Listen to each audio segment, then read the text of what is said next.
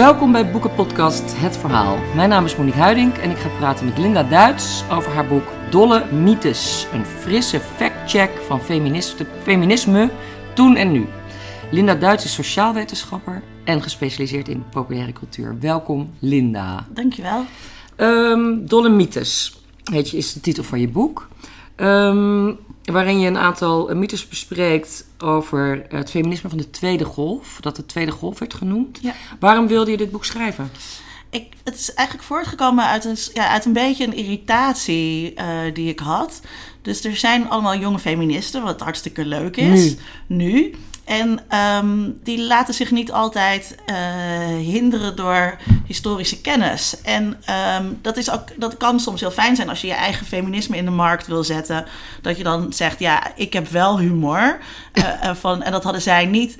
Maar dat klopt, dat klopt gewoon niet, dat, dat, er, dat, dat die humor er niet was. Dus dat, dat idee had ik al een tijdje in mijn hoofd.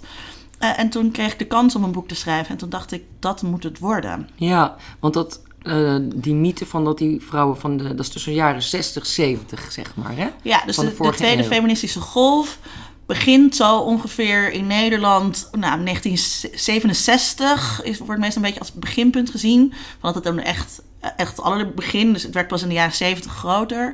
En duurt nou, tot eind jaren 80. Ja. En... Um, uh, en, en daarvan wordt van alles beweerd. En uh, sommige dingen kloppen een beetje. En andere je dingen vijf, kloppen niet. Vijf mythes heb jij uh, uitgevonden. Ja, dus ik heb er vijf genomen. Um, uh, dus het gaat over humorloos, mannenhaters, lesbisch of zeurders, zeurders en wit. Dat, ze allemaal, dat het allemaal ja. witte vrouwen waren. En die, in, in dit boek ga je die vijf mythes onderzoeken of dat echt zo is. En ja. eigenlijk een beetje ontmaskeren, want anders noem je het geen mythe. Ja, wat, wat klopt er eigenlijk van? En dat spiegel ik vervolgens ook aan praktijken van jonge feministen nu. Wat, wat doen zij eigenlijk op dat vlak? Ja. En um, ik, ik, ik begon te zeg maar, toen ik aan begon, toen wilde ik echt al die mythes zeg maar ontkrachten. En het grappige was dat ik tijdens het schrijven werd ik eigenlijk veel genuanceerder dan dat ik aan het begin uh, was. Want sommige dingen waarvan ik dacht, nou dat klopt gewoon niet, bleek toch ook wel een beetje te kloppen of zo. Waarom wilde je dan, vond je het gemeen dat die tweede golfers zo lelijk worden besproken tegenwoordig? Had ja, je mededogen met ze? Ik had, mee, ja, ik had mededogen met tweede golfers. En dat, en dat komt ook omdat ik zelf tweede golfers leerde kennen. En dat zijn leuke vrouwen. Ja. um, en ik wilde daarin ingrijpen. En ik, en ik merk ook wel dat um, dat het heel leuk is om die kennis ook te ontsluiten of zo. En dat er zitten gewoon ook heel veel mooie verhalen uh, in. Mm -hmm. uh, en, en ik merkte ook bijvoorbeeld, toen, ik, toen was ik het boek al aan het schrijven, toen Hedy Dancona bij Zomergasten zat afgelopen jaar. Um, dat die jonge feministen allemaal heel erg geïnteresseerd op reageren. Van oh, hoe zat dat dan precies en wat een interessante vrouw is dat. Um, dus ik wou dat, ja, dat historische een beetje doorgeven. Ja, want hoe, hoe ontstaat zo'n emancipatie? proces? Wanneer en hoe begint dat? Ja, dus ik, ik ben uh, uh, politicoloog en uh, ik heb me ook tijdens mijn studie veel bezig gehouden met politiek protest en hoe, hoe vormt zich dat? En um, het is niet voldoende ja, dat mensen ontevreden zijn over iets. Dat is niet zomaar reden tot protest. Een van de redenen kan zijn dat er sprake is van toegenomen verwachtingen, terwijl de situatie uh, gelijk blijft. Dat zou een voedingsbodem voor protest kunnen zijn. En dan spelen er nog een heleboel andere dingen uh, daarbij mee. Media-aandacht bijvoorbeeld um, is heel erg belangrijk, maar ook um, hoe zit de regering op dat moment in elkaar? Wat voor politieke mogelijkheden tot coalitievorming uh, liggen daar? Nou, daar kan je een heel mooi model uh, opstellen. En aan de hand daarvan, hè, met dat soort theorieën in je achterhoofd, kan je ook wel verklaren hoe die Nederlandse beweging. Uh, die Nederlandse vrouwenbeweging zich heeft gestart en ook heeft ontwikkeld. en ook wel um, waar ze successen behaalden en waar ze geen successen behaalden. Ja, want de eerste golf, dat ging echt over rechten. Ja, de eerste, was, de eerste feministische golf, die begint zo ongeveer 1850. Ja. En uh, het einde wordt meestal gezien zo rond 1920. En die ging met name over vrouwenkiesrecht en over het recht op toegang tot hoger onderwijs. Dus dat is echt Aletta Jacobs, hè? Ja. De, de eerste arts in Nederland. eh, eh, ook echt boegbeeld van eh, het vrouwenkiesrecht. Maar ook van het humanisme. Het zijn ook humanistische waarden die, Ja. toen, toen, die wel voor mannen golden, Ja, maar niet voor vrouwen. ja. En Echt heel erg ongelijkwaardig was het in die tijd. echt ongelijkwaardig. En wat ik wel grappig vond, dat wist ik ook niet. Ehm, eh, er stond eigenlijk helemaal niet in de grondwet dat vrouwen niet mochten stemmen. Dus toen vrouwen daarvoor gingen ijveren. Toen bleken ze het gewoon te mogen. Nou, het, het stond er dus niet, het stond er niet duidelijk in. Dus toen hebben ze, de, hebben ze de wet aangepast om expliciet te maken: vrouwen mogen het niet. Eh, ja, echt, echt uitsluiting. Wat je je nu eh, bijna niet meer kan voorstellen Nee. dat dat was. Ja. Die tweede golf, ehm, dat ging eigenlijk, als ik je boek goed begrepen heb, op het recht, over het recht op werk. Ja, het heel erg dat recht op werk. En dat- er was natuurlijk wel een recht op werk. Hè. Dat was niet formeel eh, verboden. Al was het wel zo dat het gebruikelijk was dat als je ging trouwen, je je baan opzij. Nou, dat kan je je nu ook niet meer voorstellen. Ehm, maar het had heel erg te maken met die, met die verandering in, ehm, in verwachtingen. Dus ehm, in die eerste golf hadden vrouwen toegang gekregen tot hoger onderwijs. Ze mochten allemaal gaan studeren. Dat gebeurde ook. Maar vervolgens was het de bedoeling dat je na daarna weer thuis ging zitten. Dus je Dus had niks aan die opleiding je eigenlijk. had niks aan die opleiding. En die verwachtingen waren dus wel gestegen. En zeker in Amerika speelde bijvoorbeeld ook mee dat in de Tweede Wereldoorlog veel vrouwen in eh, de economie moesten gaan werken. Omdat alle mannen natuurlijk aan het front waren. Ehm, dat, dat, dat maakte ook uit. Hè? Dus dat waren ook gestegen verwachtingen. Ze werden allemaal weer terug naar huis gestuurd na de Tweede Wereldoorlog.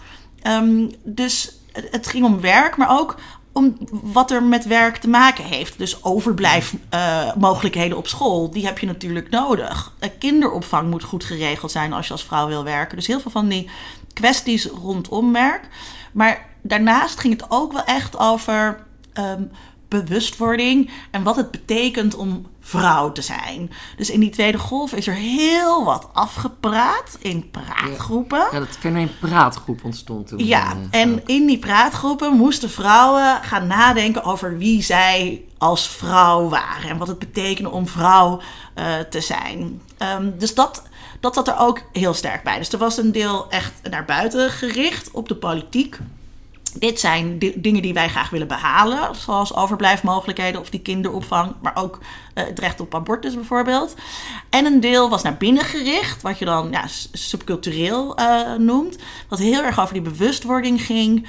Ehm, ja, eh, hoe, hoe is het om ehm, ehm, met seksuele problemen bijvoorbeeld, relaties, nou ja, eigenlijk alle dingen waar vrouwen graag over praten. Is het niet ook gewoon identiteitsonderzoek?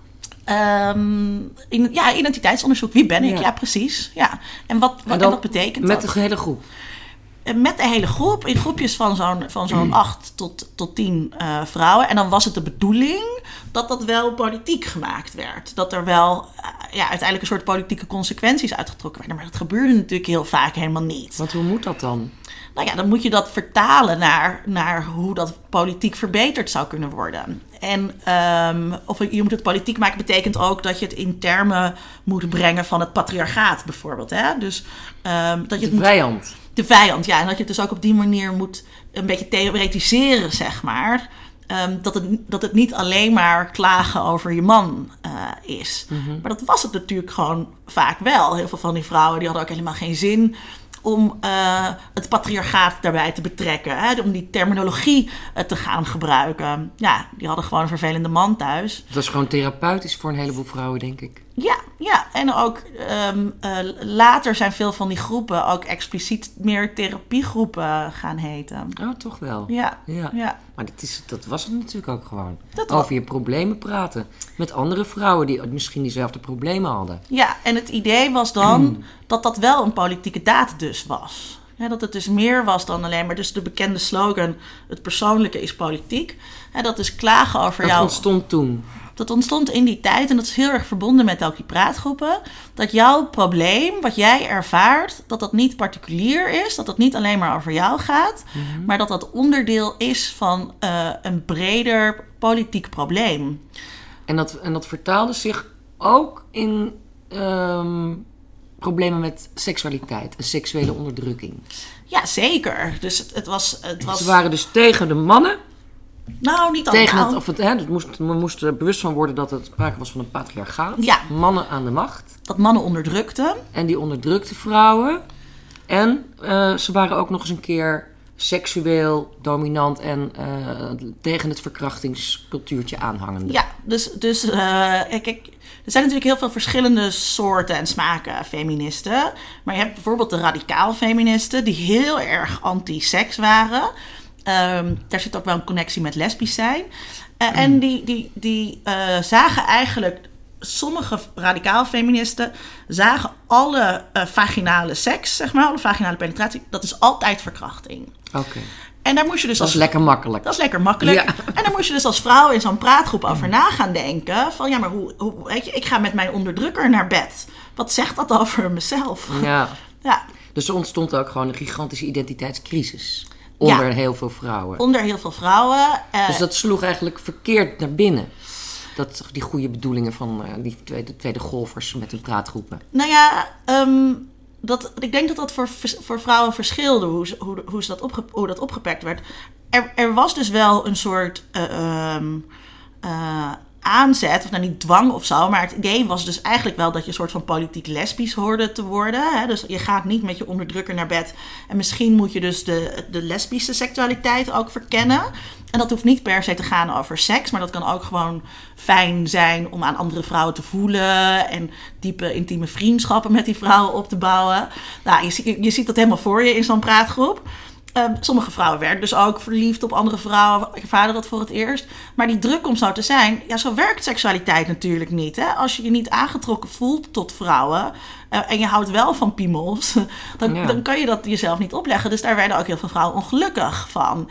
En er zaten ook wat haantjesvrouwen tussen. Hè? Wie het meest lesbisch eh, was, was de beste feminist. Ja. En je moet ook niet vergeten, heel veel van die vrouwen hadden dus thuis een man. Heel veel van die huwelijken die liepen stuk. Wat ook een drama was natuurlijk, want die hadden vaak ook kinderen. Die hadden ook kinderen. Ja. Ja. Ja. er zitten best wel wat zwarte kantjes Ja. eh, aan. En wat ik, ook, eh, wat ik ook opvallend vind, is wat je net zegt. Dat er zaten natuurlijk ook gewoon eh, echt wel ambitieuze vrouwen tussen die dat persoonlijke politiek maakten. Maar dat ze vooral voor zichzelf erg interessant vonden, omdat ze een carrière konden maken in de politiek. Of maatschappelijk, op de maatschappelijke ladder konden stijgen. En dat was juist de, de motor, de start van de Tweede Golf. Hoe verhoud ik me als vrouw tot de maatschappij? Ik wil werk hebben, ik wil geld verdienen, ik wil onafhankelijk zijn. Dus er zit een soort rare, rare twist ook ergens in. Eh, van dat het voor, voor eigenlijk van beroepsfeministen gewoon hun werk was geworden. Ja, dat die, die konden inderdaad in die beweging op die manier carrière maken. Ja. Eh, en eh, daar lagen ook gewoon kansen, of daar ontstonden ook kansen. Hedy Dancona is daar echt wel een mooi voorbeeld van, die ook heel nauw verweven was ehm, met bestaande politieke organisaties. Ehm, Zij was een van de mensen achter Man-Vrouw Maatschappij. zij was een van de oprichters van Man-Vrouw Maatschappij. eh, een van de eerste feministische organisaties. Heel sterk gericht op eh, werk. Eh, op de verdeling van zorg bijvoorbeeld ook. Ze wilde ook een kortere werkweek trouwens, ook wel aardig. Ze wilde dat iedereen vijf uur per dag ging werken. Ja. Dat is heel jammer dat dat niet gelukt is, Ja. eh, vind ik En ze eigenlijk. wilde ook een betere verhouding tussen betaalde en onbetaalde zorg. Precies, juist om dat Maar soort is niet ook voor een basisinkomen? Dan haal ik nou dingen door Volgens elkaar. mij wel, ja. Ja. Maar, dat, maar dat, daar moet je me niet aan Hartstikke eh, modern houden. eigenlijk, waar we het nu ook nog steeds allemaal over hebben. Ja, nou en sowieso dat man-vrouw maatschappij was echt een netwerkclub. Dus dat, daar herken je zo ook. eh, eh, ik, heb, ik vergelijk het in het boek een paar keer met de correspondent. Ja, de maar, correspondent, dat is nu een online krant. Ja, Met ook allemaal eh, journalisten die elkaar allemaal kennen. Ook een beetje ha- Ja. overal haakjes in de politiek hebben, et ja, cetera. precies. Ja. Of, eh, of de BKB-academie, zeg maar. Dus dit, dit waren hoogopgeleide, ambitieuze vrouwen. Ehm, veel vrouwen van man, van man- man-vrouw maatschappij waren trouwens toen al dertigers. Dus eh, die, hadden, eh, die deden al allerlei dingen qua werk. Eh, va- schreven vaak stukken ook. Eh Hedy Dancona was toen journalist. Eh Joke Kool-Smit bijvoorbeeld, eh, van het beroemde essay Het Onbehagen bij de Vrouw.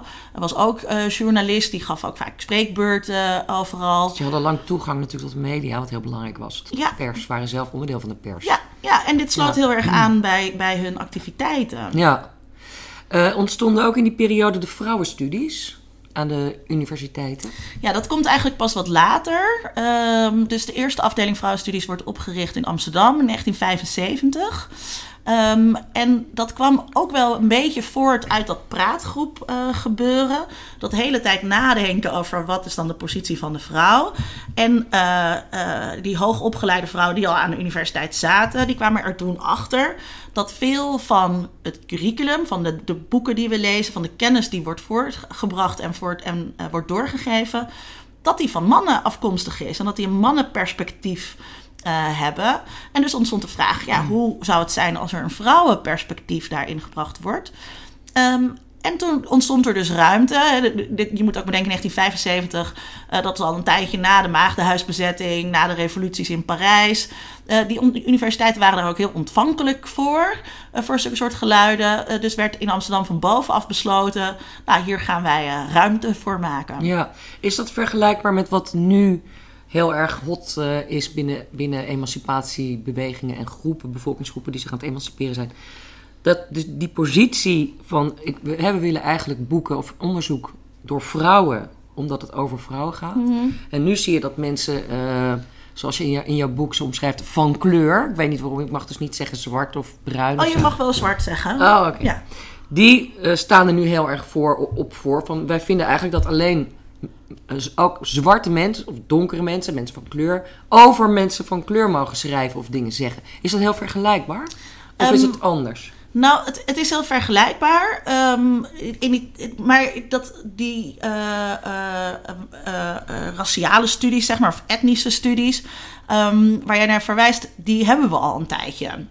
en dat ontstond ook ongeveer in die tijd. Oh, ja. Net als dat we in die tijd ook homo- en lesbo-studies kregen. Uh, dat, dat, dat, dat is allemaal uh, eind jaren 70. Um, ehm, dat etnische studies is allemaal een beetje midden jaren 80. Mm -hmm. um, dus dat, en dat was natuurlijk toen het is wel grappig dat iedereen het nu zo vaak heeft over identiteitspolitiek. Of dan nog liever in het Engels identity politics. Alsof dat mhm. woord zo moeilijk te vertalen is. Ja, dan klinkt het gewichtig. Klinkt het heel gewichtig. Ja. Dit was, die, de jaren 60 en de jaren 70 waren bij uitstek de tijden van identiteitspolitiek. Da daar zitten al die voorbeelden. Dat we een homobeweging hadden en die vrouwenbeweging. We hadden bijvoorbeeld ook een van mijn lievelings is dat de gekke beweging. En dat ging over mensen die in psychiatrische inrichtingen zaten en meer zeggenschap wilden hebben over zichzelf. Dat had allemaal te maken met emancipatie, met identiteit, met de veranderende maatschappij. Um, dat, dat was echt de tijd van de identiteitspolitiek.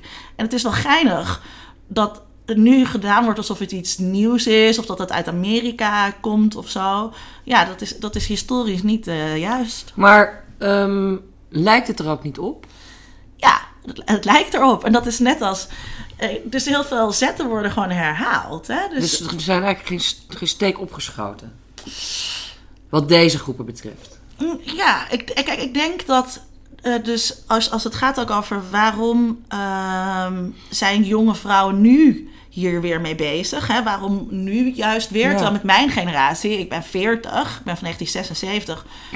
De, feminisme was echt een vies woord. Dat had ik helemaal niet nodig, mm. vond ik zelf. En, en dat vonden heel veel mensen van ja, mijn generatie. Ja, er was gewoon ook wat dat betreft best veel bereikt. Ja, precies. Dus er was heel veel ja. bereikt. En je dacht, nou, dat, dat duurt nog, het heeft wel tijd nodig. Ik heb nooit het gevoel gehad dat ik minder waard was dan een man. Precies. Dus het komt niet eens mijn hoofd op. Ja, en je ik denkt... vind ook niet dat een man minder waard is dan, dan ik. Nee. Ik ben gewoon heel erg egalitair. Ja. En dat is, dat is een beetje inderdaad die, het gevolg van die generatie. Precies. En je denkt, ja. nou, weet je, sommige dingen heeft misschien wat tijd nodig, maar dat komt allemaal wel goed.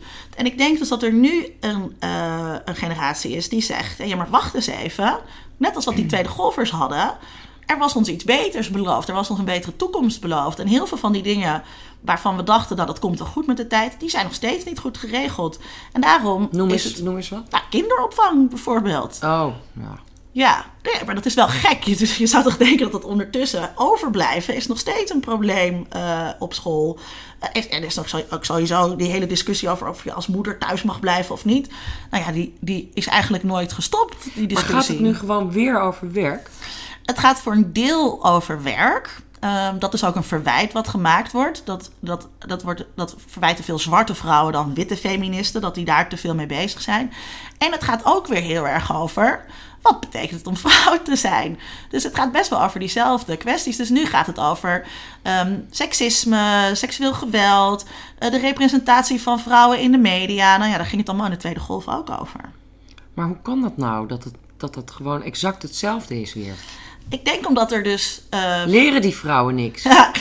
nou ja, of de maatschappij verandert onvoldoende. Hmm. En dat, dat is het, denk ik. Dat, ehm, Maar het gekke is dus dat wij, Mhm. wij zijn wat ouder, die gevoelens niet hadden toen wij zeg maar twintig waren of zoiets. ja. dergelijks. Nou ja, omdat wij dus dachten... Is er dan in onze, is onze perceptie niet juist geweest? Hè, want, of is, het, is, het, is, er, is er een weg terug eh, gaande geweest die wij niet door hebben gehad? Nou ja, kijk, ik denk als het bijvoorbeeld gaat over zoiets als eh, de loonkloof. Eh, dus het verschil in inkomen tussen mannen en vrouwen.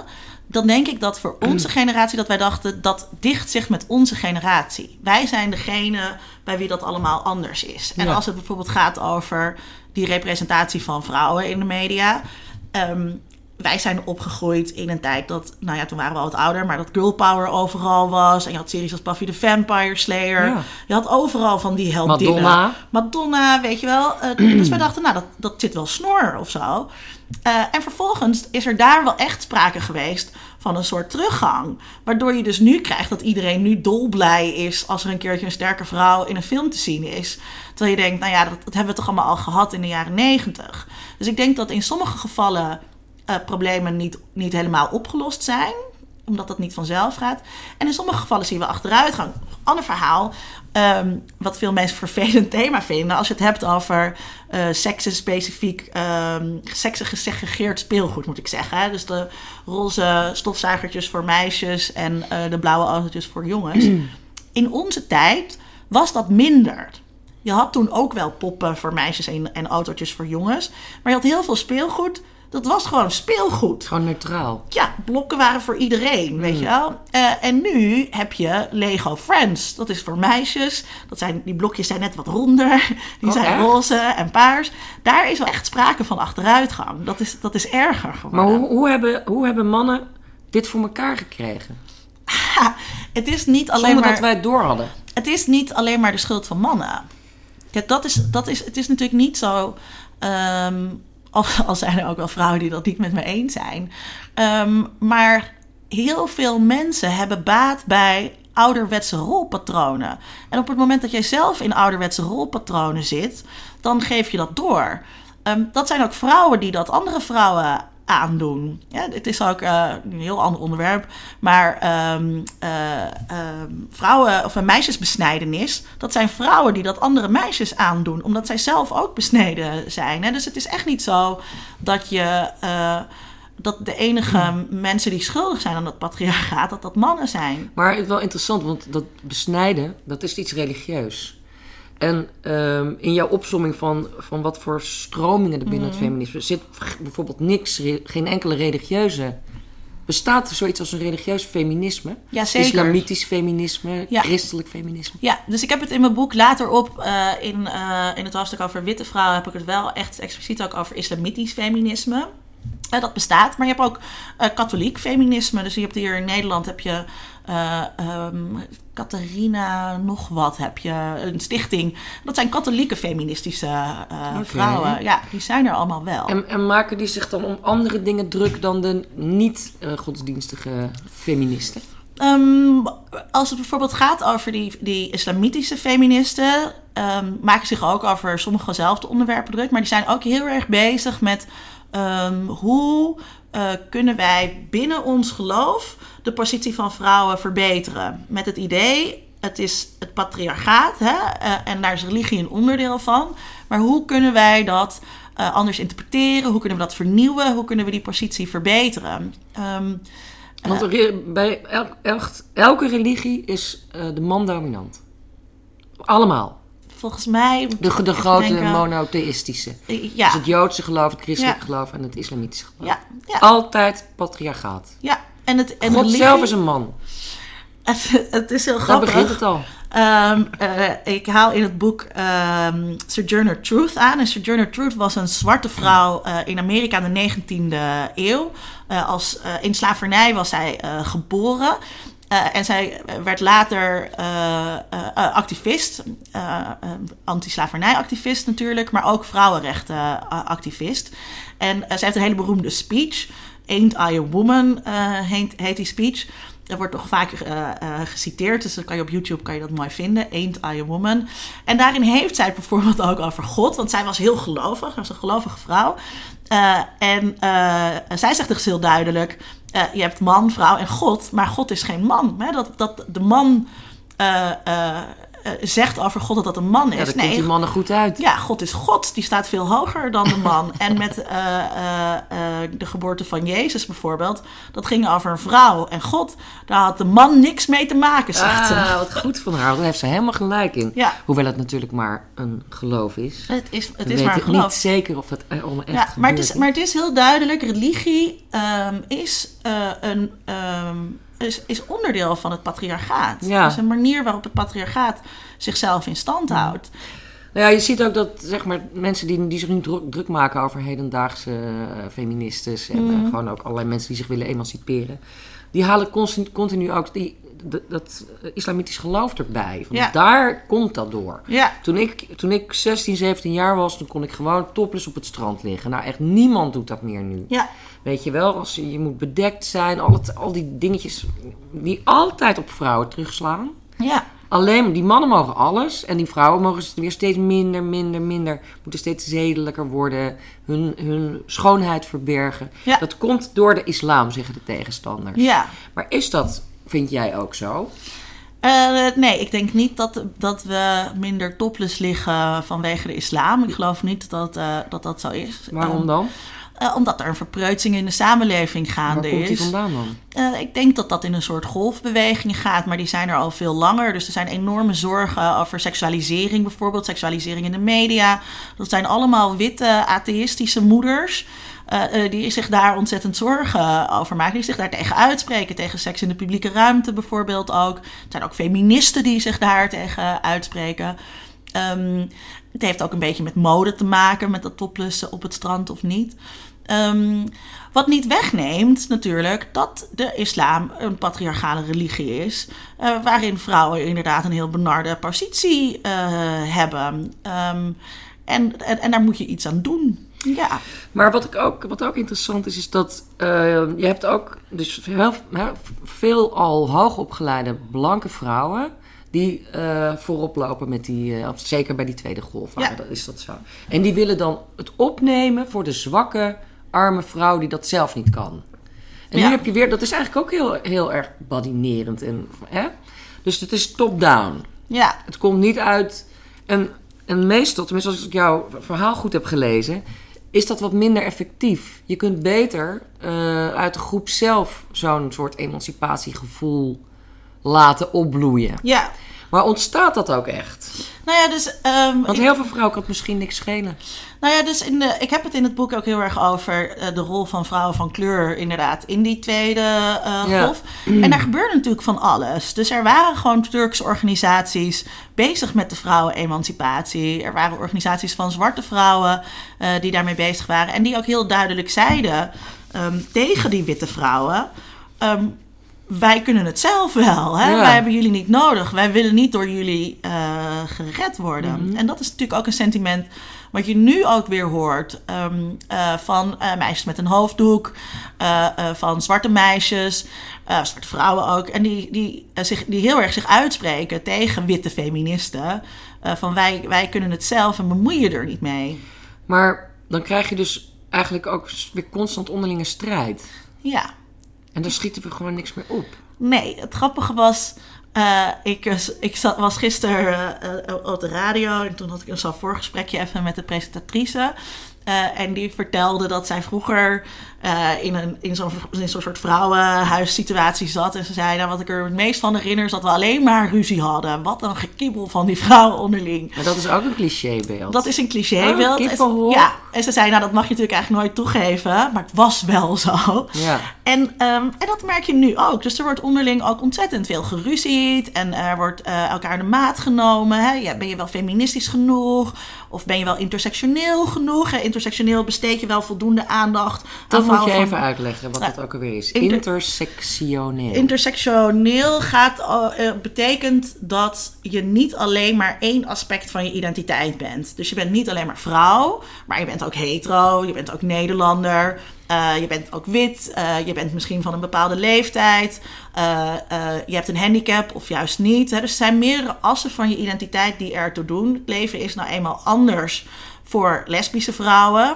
Eh, en de strijd van lesbische vrouwen is, is nou eenmaal anders dan die van hetero eh, vrouwen. En er is een verschil tussen witte en zwarte vrouwen, et cetera. En intersectionaliteit, intersectie is een kruising, eh, vraagt daar aandacht voor.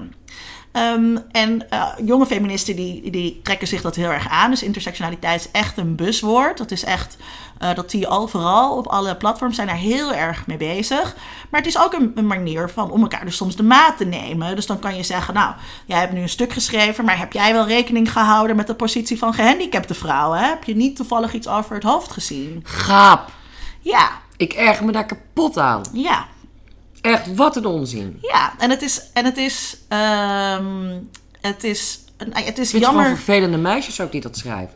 Eh, Ik erger me daar heel erg aan. Ja, nou ja, en het is, weet Het heeft je, ook totaal geen zin. nee, Je en het is, het maakt, je maakt niks. Je, je, je, maakt alles kapot als je zo je gedraagt. nou, het is, het is heel erg zonde, dat, dat vind ik. En ehm, het is gewoon, kijk, je weet dat het, dat het onvermijdelijk is dat er, dat, er, dat er ruzies komen. Vroeger werd er dus van alles afgeruzied. Bijvoorbeeld over zijn we marxistisch of zijn we marxistisch-leninistisch. Ja. Want dat is ook een belangrijk verschil. En daar waren natuurlijk ook heel veel vrouwen die daardoor eh, afknapten Dat is overigens iets. Dat is iets dat, dat. Dat is helemaal niet typisch iets voor vrouwen. Dat doen mannen ook. Dat is typisch iets voor politiek. Ja, Het is trouwens ook een beetje Nederlands. En eh, ik had eh, vorige keer een gesprek met, eh eh, met eh, Shaila Sitalsing daarover. Het, het komt ook voort uit allerlei kerkgemeenschapjes die wij hier een paar eeuwen geleden hadden. Ah. Elk dorp zijn eigen kerk. Ja. Net even iets anders dan hoe het kerkje om de hoek, eh, hoe ze daar over denken. Ieder dat is heel erg. Nederlands. Ja, Ah. ook. Ja. En dat zie je hier ook weer. Maar ik, ik neem aan dat dit ook in andere landen zo gebeurt. Dat jij die afsplitsingen hebt en die ruzies onderling.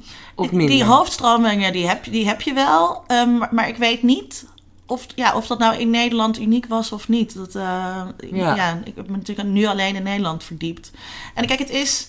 ehm, eh, ik, weet je, ik, ik vind het heel belangrijk. Dat, dat intersectionaliteit vind ik, vind ik heel erg eh, belangrijk. Waarom is dat zo belangrijk eigenlijk? Ehm, omdat niet alle vrouwen hetzelfde zijn. ja, En maar ik- dat is toch een, een, waarheid als een koe? ja, maar dat betekent ook dat niet alle problemen hetzelfde nee, zijn. natuurlijk niet. En dat niet. Ja, dus dan, nou ja, daar, daar, daar moet je van bewust zijn. Dat, dat vind ik heel belangrijk. Dat leer ik mijn studenten ook. Eh, dat, je, dat je daar wel constant over aan het nadenken moet Maar zijn. dat moet je dus doen als je op het moment dat je voor oplossingen gaat zorgen. Ja, en niet als manier om elkaar de maat te nemen. Ja, En kijk, en dat is het. En dat is hetzelfde met wat ik vertelde over dat les, politiek lesbisch zijn.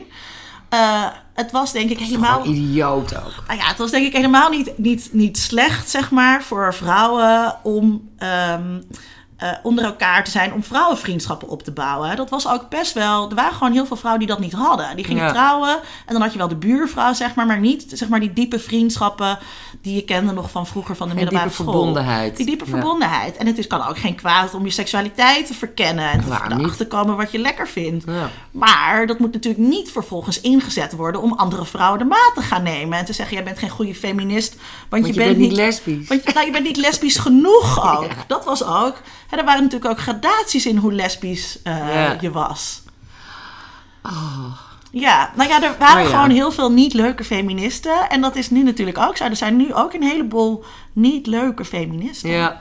Er zijn ook heel veel niet leuke mannen. Ja, dus dat Dus heb je Er al. zijn ook heel veel wel leuke mannen. Dat heb je overal, ja. Maar eh, nu heb je eigenlijk ook wel een heel interessant, vond ik dat om te lezen, want dat had ik niet zo in de gaten. Eh, heb je een, een groep jongere mensen, een beetje twintigers zeg maar, begin dertig. En die zijn eigenlijk allemaal ook heel erg bezig met hun seksualiteit. En dat, dat heet dan panseksuelen. Ja, Die doen het met ieder alles. ja. Behalve kinderen neem ik aan, dat dat mag niet. Eh, zolang er sprake is van consent. Consent is natuurlijk heel belangrijk, dat alle partijen instemmen. En kinderen kunnen geen consent geven. Dus nee, je mag niet met kinderen Ja. doen. Maar hoe, waar komt dat nou weer vandaan? Want het heeft ook, dat emanciperen heeft toch ook altijd een seksuele, ergens iets seksueels. Ja, ja, seksualiteit is natuurlijk gewoon heel erg belangrijk Ja. in ons leven.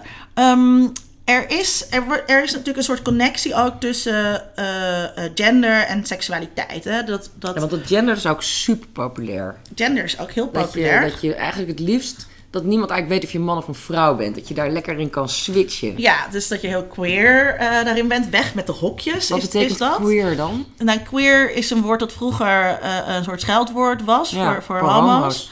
En eh, wat nu zich opnieuw toegeëigend is, een soort geuzennaam geworden. eh, eh, voor een stroming die eigenlijk weg wil met de hokjes. Dus weg met de hokjes man-vrouw. In ieder geval de grenzen rondom die hokjes heel erg uitvagen. Dus dat betekent niet dat je niet mannelijk of vrouwelijk ehm, mag zijn. Maar dat dat niet zo direct op jouw geslacht geplakt is. Dus dat je als man niet per se mannelijk hoeft te zijn. En als vrouw niet per se vrouwelijk. Maar dat dat ook kan switchen. En nou ja, dat dat allemaal mooi ook elkaar kan overlopen. En dat heeft natuurlijk heel erg te maken met eh, ook met je seksuele voorkeur. Dus ehm, homo wordt bijvoorbeeld ingezet als scheldwoord. Niet zozeer om te suggereren dat een jongen seks heeft met andere jongens, maar om te zeggen dat hij te vrouwelijk is. Dat hij te vrouwelijk is in zijn gedrag. Ja. Dus die dingen hangen heel erg met elkaar samen. Nou ja, en als jij ehm, weg wil van dat idee van alleen maar of man of vrouw. en dat je wil dat er ook van alles tussenin zit. dan past het woord biseksueel niet. Want bi betekent twee. Hè, veronderstelt dat er twee geslachten zijn, twee seksen zijn. Dus als je zegt ik ben panseksueel, dan geef je eigenlijk aan dat je een soort van biseksueel bent, maar dat je dus niet erkent dat er twee geslachten zijn.